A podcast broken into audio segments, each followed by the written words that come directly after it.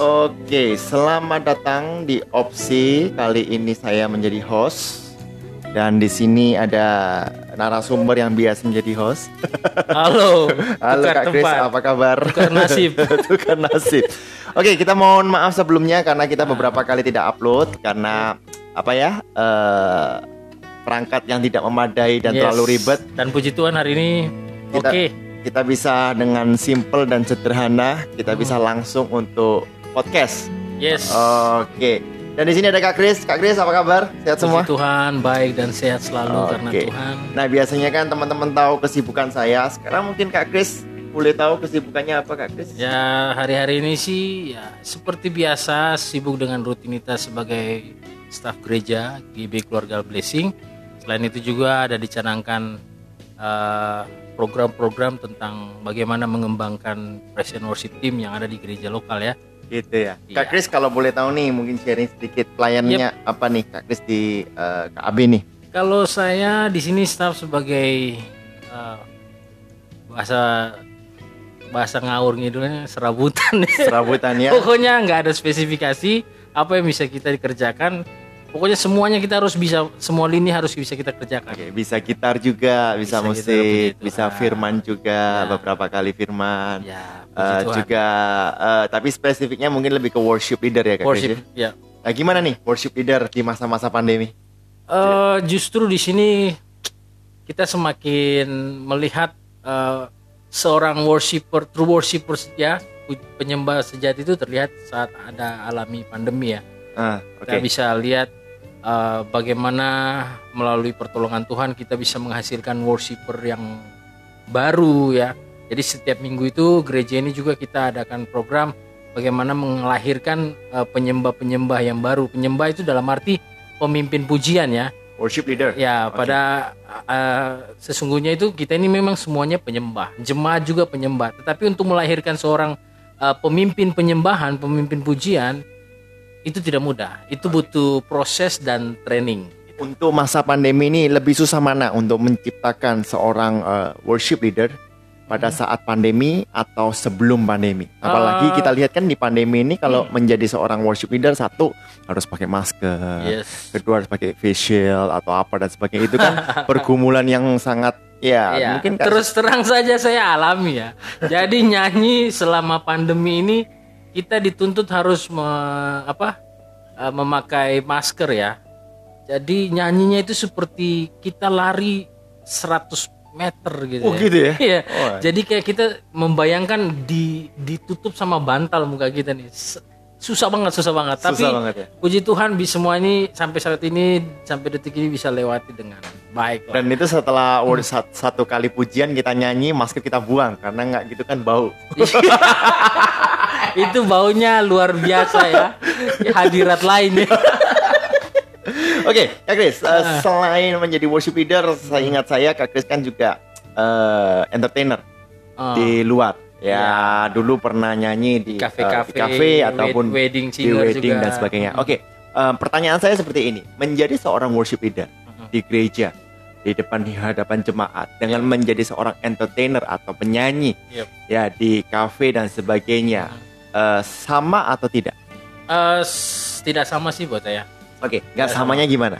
buat saya secara pribadi ini nggak sok rohani ya Oke. tapi buat saya ketika saya nyanyi di gereja itu saya nyanyi bukan buat orang lain Meskipun ada orang lain. meskipun ada orang lain sekalipun ada pendeta di situ atau pengkhotbah saya nggak nyanyi buat mereka Oke. Saya nyanyi buat satu pribadi yang luar biasa yang menciptakan langit dan bumi yaitu Raja saya Yesus Kristus. Itu yang paling spesial. Itu yang dan paling itu nggak semua orang dapat dapatkan kesempatan itu. Dan saya nggak kalau dikasih pilihan, eh, Bung Kris kamu pilih entertain atau di gereja? Saya tidak bisa tinggalkan pelayanan di gereja sebagai worship leader. Karena tidak semua orang mendapatkan kesempatan itu. Itu bukan profesi tapi itu adalah pilihan. Itu anugerah Tuhan. Tuhan sudah memilih kita dan kita harus berterima kasih dengan mewujudkannya melalui pelayanan itu. Nah, tetapi kan kalau kita menyanyi di luar, Ah, ya dengan ada orang yang misalnya kita di kafe lah atau di wedding, orang melihat suara kita dan sebagainya. Mm.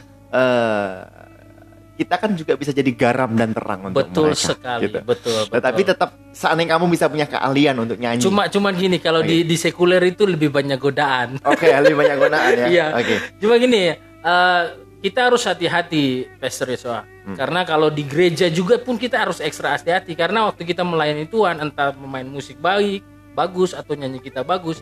Kadang kan kalau kita turun dari mimbar itu ada yang bilang, "Wih, suara kamu bagus ya."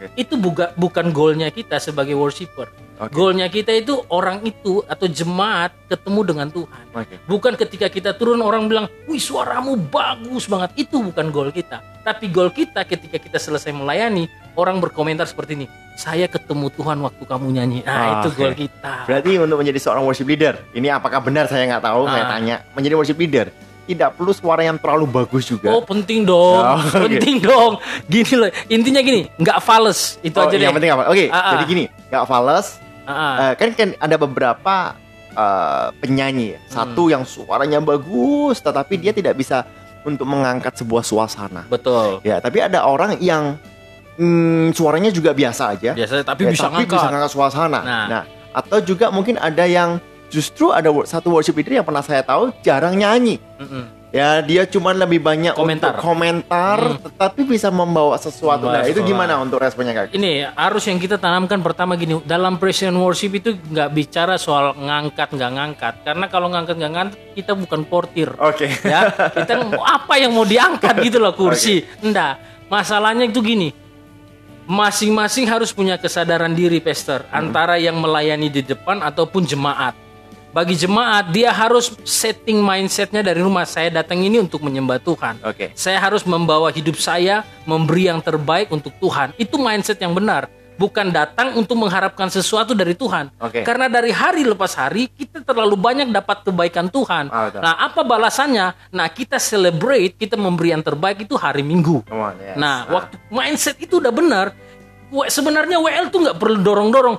Mari angkat tangan, ya angkat kaki, ya enggak ya. budaya-budaya Indonesia Ya, budaya itu budaya Indonesia yang harus sebenarnya kita tepiskan karena gini, kalau kita sadar saya datang ini memberi yang terbaik, tidak perlu didorong-dorong deh. Buat saya itu anak-anak banget sekolah minggu gitu loh yang harus dituntun, dipimpin. Kalau kita udah dewasa, kita ngerti. Oh ya, saya angkat tangan atas dorongan diri dalam diri, bukan atas dorongan WL. Nah, masalah ngangkat nggak ngangkat sih buat saya sih makanya gini, eh, Pastor, saya tuh rindu ya setiap worship leader di gereja kita harus punya mindset gini. Saya nggak boleh merasa dihakimi atau dijudge. Waduh, ibadahnya kok nggak ngangkat ya? Ini pasti salah saya. Itu salah. Oke. Itu salah. Jadi dia harus gini. Saya di depan, saya nyanyi untuk Tuhan. Mau kamu ikut nyembah ataupun tidak, itu urusan kamu sama Tuhan. Jadi tidak ada rasa bersalah atau tertuduh. Nah, ini konsep pemikiran yang benar menurut saya Oke. gitu. Itu pesta. Oke oke, that's good ya. Itu itu adalah uh, statement yang bagus bahwa memang menjadi worship leader bukan hanya sekedar suara. Yes. Ya memang Tuhan memang benar Tuhan memberikan talenta Ah, kepada kita, tapi adalah hubungan. Iya, Ya, betul, betul. Hubungan kita ya. dengan Tuhan itu menentukan Yes. bagaimana kita menjadi a true worshiper atau enggak. Betul Nah, sekali. untuk Kak Kris nih dari jemaat, step dari jemaat untuk bisa melayani sebagai worship leader. Kan istilahnya di mana-mana kan pasti ada jen- jenjangnya lah. Oke. step dari mana dulu. Misalnya aku nih kelihatannya punya talenta nih sebagai seorang sing, seorang worship leader. Cuman eh, aku belum belum berani step ahead. Aku perlu satu komunitas, aku perlu satu gereja yang mungkin bisa membimbing saya dari dari jemaat menjadi seorang pemimpin mujian. Nah, menurut Kak Kris, bukan di KAB ya, kita nggak Iya. ngomong di KAB. Menurut Kak Kris, se- se- eh, step-stepnya gimana? Jadi yang pasti kan pertama kamu jadi jemaat beribadah tertanam di gereja lokal itu Iya. pasti. Nah setelah itu, setelah itu, Saya punya tiga step yang saya terapkan di dalam pelayanan saya Oke. pribadi. Yang pertama, setiap kita diberikan talenta oleh Tuhan, entah itu satu ataupun lebih. Hmm. Nah, yang pertama yang harus kita lakukan, temukan talenta yang Tuhan taruh dalam hati kita. oke, Karena apa? Karena banyak orang dia terjebak dengan yang namanya lapar mata. Contoh, ada jemaat nih, tiba-tiba dilihat, wih pemain drumnya keren banget ya. Gue pengen kayak dia. Itu lapar mata. Ya. Padahal dia belum tahu itu talentanya dia atau bukan. pemain pemain pemain altar eh, pelayan altar itu selalu dilirik semua orang. Oh iya, betul. Itu pel- nggak boleh dipungkiri bahwa pelayan altar itu pelayan entertain, Pak. Betul, oke. ya itu sangat menggoda kalau Oke. kita nggak hati-hati altar itu licin tergelincir jatuh kita itu itu benar jadi gini pertama kita pertemukan talenta yang Tuhan kasih yang kedua setelah kita tahu talenta yang sudah Tuhan kasih kita harus asa artinya kita harus uh, melatih talenta itu. Kita harus melalui proses. Nah, yang namanya proses nggak ada instan ya, Master. Kita harus yang ada yang namanya melewati uh, waktu dan pengorbanan. Gitu. Oh, gitu ya. Setelah itu, kalau kita sudah mengasah talenta yang sudah Tuhan kasih, kita persembahkan untuk kemuliaan Tuhan. Oke. Nah, itu. Jadi pelayanan itu nggak langsung suk cepet. Sesuatu yang instan, buat saya seperti contohnya itu buah. Hmm. Buah itu belum matang, tapi kebanyakan pedagang itu memberikan karbit ya. Okay. Jadi masa karbit ya. ya. Belum waktunya dipetik tapi dipaksakan. Betul. Itu nggak baik hasilnya. Prematur, prematur. Yes, kalau okay. betul itu bahasanya. Nah, sekarang gini Kak Kris. Kadang hmm. itu kita jemaat, kita ngomong-ngomong jemaat orang lah ya, yeah. manusia. Kadang kan suka yang bagus. Ya. Yeah. Suka yang profesional. Nah, ya. E, bagaimana caranya kita menanamkan kepada orang okay. bahwa kita ini sedang melatih bibit baru? Otomatis kalau bibit baru awal pertama kali tampil tidak mungkin sebagus dengan orang-orang yang sudah senior. Betul. Dengan membawa pujian, nyanyinya. Kadang yang baru, saya pun dulu pertama-tama ya uh, sedikit banyak banyak sekali fales. Hmm. Ya. banyak sekali Jangan kan yang baru kita yang udah senior aja udah sering fales di depan ya. Dan dan, ah. dan kadang kan orang kalau ada ada fales ah gimana sih ini ah. pujian bla bla bla bla bla. Nah sedangkan kita ini sedang membangun bibit-bibit baru. Nah, okay. gimana kan yang kita bisa menanamkan kepercayaan? okay. kepada mereka. Kalau saya lihat ini yang dilakukan KB khususnya programnya Pastor Yosua saya harus salut banget ya memberikan kesempatan buat uh, teman-teman worshiper yang masih nah, itu muda-muda. Itu itu meskipun uh, seperti itu banyak pro kontra kan. Tapi ini sedikit masukan ya. Uh, kita harus bedakan antara membangun altar dengan membangun teatrikal. Okay. Kalau kita fokus kepada teatrikal, kita akan menemukan banyak kesalahan di sana. Oh ya, yeah. that's good. Ya, tetapi kalau kita membangun mesbah, mesbah itu berbicara tentang apa? Kesunyian, sepi, tidak ada penghormatan di situ. Jadi waktu kita lakukan kesalahan pun di situ, kita nggak apa-apa, it's okay, kita belajar gitu loh. Tapi alangkah baiknya juga ada kelas sebelum kita memberikan kesempatan buat worshiper muda okay. kita. Yeah. Karena ini sangat penting kelas ini buat apa? Kelas itu ada materi di situ. Nah, ketika kelas ada materi, prakteknya di mana? Prakteknya di panggung. Okay. Karena kita harus yakinkan mereka yang WL-WL baru ini, kamu tuh harus yakin dengan apa yang kamu lakukan di depan. Kamu harus tahu, kamu harus mengerti apa yang sedang kamu lakukan di depan. Jangan sampai kamu turun dari mimbar, jematannya, apa yang kamu lakukan di belakang? Pelengak, pelongo. Ya, oh, nggak ngerti. Jadi kita harus tanamkan dasar, yaitu firman Tuhan, materi, agar mereka mengerti tentang uh, pengetahuan and worship setelah itu berikan mereka kesempatan untuk memberikan apa yang terbaik di mimbar, mimbar. untuk Tuhan. Masalah jemaat ada bilang ini nggak ngangkat. Saya rasa yang masalah bukan uh, pelayan Tuhannya atau worshipernya. Yang masalah itu jemaat. Ya. karena dia nggak ngerti dia di situ untuk memberi bukan untuk meminta. Kalau kamu menuntut WL-nya harus bagus itu kamu nggak memberikan korban untuk Tuhan. Kamu menuntut satu teaterikal maksudnya nonton yang enak. Itu salah konsep ibadah yang salah kayak gitu. Ya dan kita kita sebagai gereja juga tidak bisa menyenangkan semua orang. Iya betul. Tuhan nah. Yesus aja nggak bisa senangin semua orang. Dan siapa kita, kita? dan untuk orang-orang yang baru kita juga harus berani kasih kepercayaan ke mereka. Betul sekali setuju Pesta ya, kan? oke uh, pertanyaan terakhir mungkin. Cuma satu satu okay, sebentar. Ketika kita memberikan kesempatan dan berani memberikan kesempatan buat WL baru, kita yang sebagai leader harus siap membackup mereka. Ya, kita tetap, kita tetap ambil tanggung jawab. Oh iya, ketika ada yang menyerang mereka, kita yang harus jadi tameng. Gitu loh. Kita harus jadi bapak buat mereka, kakak buat mereka. Itu aja.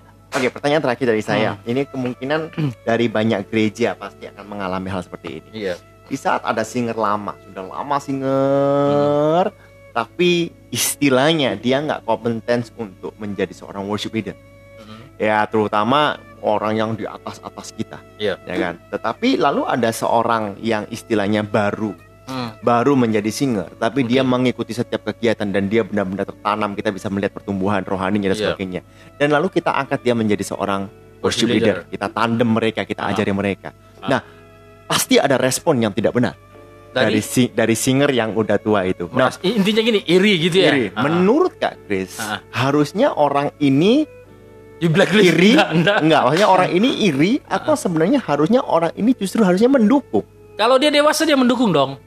Ini dia harus instru hal yang pertama dia harus introspeksi diri Pester okay. ya. Gue ini udah bener nggak di uh, eh, gue ini orang yang tepat di tempat yang tepat nggak? Istilahnya gini, saya ini singer selama ini melayani sebagai singer. Apa benar talenta saya di singer gitu loh. Hmm. Karena banyak singer yang saya perhatikan cuma sorry ya, sorry itu saya aja, pemanis di depan. Pemanis di depan. Iya, ini saya harus bilang gitu itu loh. kalau manis ya. Hah? Itu kalau Jadi, maksudku tuh apa ya? Jadi gini, entah itu singer, pemain musik atau pengkhotbah, ketika dia dikasih satu kepercayaan melayani Tuhan, namanya belajar itu kan ada proses waktu, Betul. ya.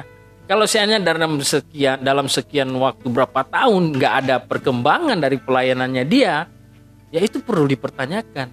Tetapi kalau dia dalam mungkin katakan enam bulan ada perubahan yang signifikan, ada upgrade secara skill ya toh, wah ini berarti dia punya uh, talent di sini. Oke. punya potensi di sini. Tapi kalau udah bertahun-tahun singer tuh singer tuh udah gitu protes lagi kalau lihat singer baru. Oke. Wih, gua kan udah lama kok gua nggak dikasih kepercayaan WL ya. Lu aja suara nggak bagus-bagus gimana mau jadi WL gitu loh. Tuhan kan melihat hati, Tuhan lihat hati tapi jemaat mendengar suaramu gitu loh. Itu yang jadi iya, iya. masalah di Tapi sini. sebenarnya gini, ini Ah. yang yang saya melihat ya. Mm-mm, Biasanya yang orang yang komplain adalah orang misalnya nih, mm-mm. praise and worship nih, ada Iya. yang komplain. Orang ini yang paling banyak komplain biasanya satu, dia nggak pernah datang pertemuan. Oke. Betul kan? Ah. Ya kan? Dia nggak pernah. Saya sebentar. Ini di mana nih? Di gereja No, kita no, no. atau di luar? Semua. Kebanyakan ya, Ke semua. kebanyakan ya. Ya. Jadi karena saya nangkap gini bahwa orang yang paling banyak komplain Mm-mm. adalah orang yang tidak tidak apa ya tidak masuk ke dalam bagian itu. Hmm, Contoh ini saya kan contoh pemain sepak bola. Oke. Ya pemain sepak bola itu banyak sekali Supporter. penonton bilang ih gitu aja nggak masuk. Padahal disuruh main belum tentu Ya, bisa. memang itu dia. Eh, Jadi kan sebenarnya kalau semakin engkau punya solid dan semakin ambil pelayanan, ini punyaku, ini Ah, gerejaku, ah, ah. ini pelayananku. Iya. Dan ini untuk kemuliaan nama Tuhan. Aku, aku rasa tidak akan ada yang komplain Iya. gitu.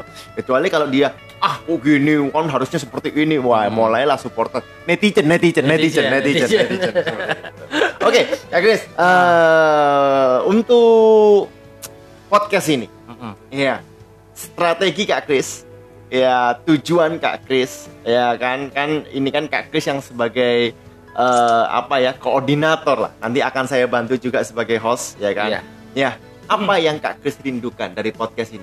Kita tidak akan bicara mengenai worship leader doang. Iya. Ya, kita akan Umum ya. umum kita akan panggil eh, mungkin Narasumber yang narasumber lain. yang lain. Dan saya udah mulai punya bayangan. Kita punya tim satu flagger, flag ya kan, Hmm. subscribernya 1000 di YouTube. Iya. Ya dan aku lihat itu bagus. Lalu ada juga eh, pengusaha Hmm. ya untuk mungkin juga bisa sembuh dari covid dan sebagainya. Iya. Banyak hal yang akan kita bicarakan di sini Iya. dengan opsi yaitu obrolan santai ini. Nah, Yes, betul. eh, gimana Kak Kris? Tujuannya Kak Kris, harapannya Kak Kris seperti apa? Eh, saya ambil dari nilai rohani dulu ya, secara alkitabiah bahwa kedatangan Yesus semakin dekat. Dan firman berkata, Yesus akan semakin cepat datang kalau firmannya sudah tersebar ke seluruh penjuru bumi.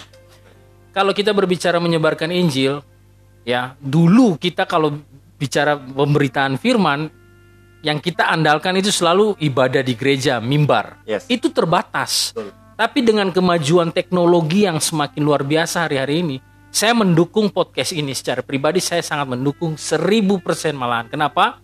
Karena dengan podcast ini kita akan lebih banyak menjangkau jiwa, bukan saja Surabaya ataupun Indonesia, tapi ke seluruh bumi, ke seluruh dunia. Dengan podcast ini, ini adalah sarana yang luar biasa Tanpa tembok. tanpa tembok siapa pun kalangan agama status sosial semuanya bisa menyaksikan apa yang kita perbincangkan hari ini dan pergunakan podcast ini untuk kemuliaan Tuhan sebarkan Injil apa pun yang kita lakukan menjadi berkat di podcast ini sehingga setiap orang yang menonton melihat channel ini bisa diberkati nama Tuhan dipermuliakan Oke. jangan pernah berhenti go ahead Yeah, just do it. yes just do it. Antusias, just do it. Yes, yes, yes. Nah, Oke. sampai lali ya Oke, thank you Kak Chris. Oke, sama-sama, Eh, kita Pastor. akan ngobrol lagi eh, lebih lanjut ke depan. Siap. Ya, dan kita terus maju demi kemuliaan nama Tuhan Amin. dan biarlah nama Tuhan dipermuliakan. Amin. Oke, thank you untuk teman-teman semuanya. Stay tune terus untuk di opsi. Ya, pasti akan ada pembicaraan-pembicaraan yang menarik, yang asik dan juga yang seru di dalam opsi. God bless you. Tuhan God bless God bless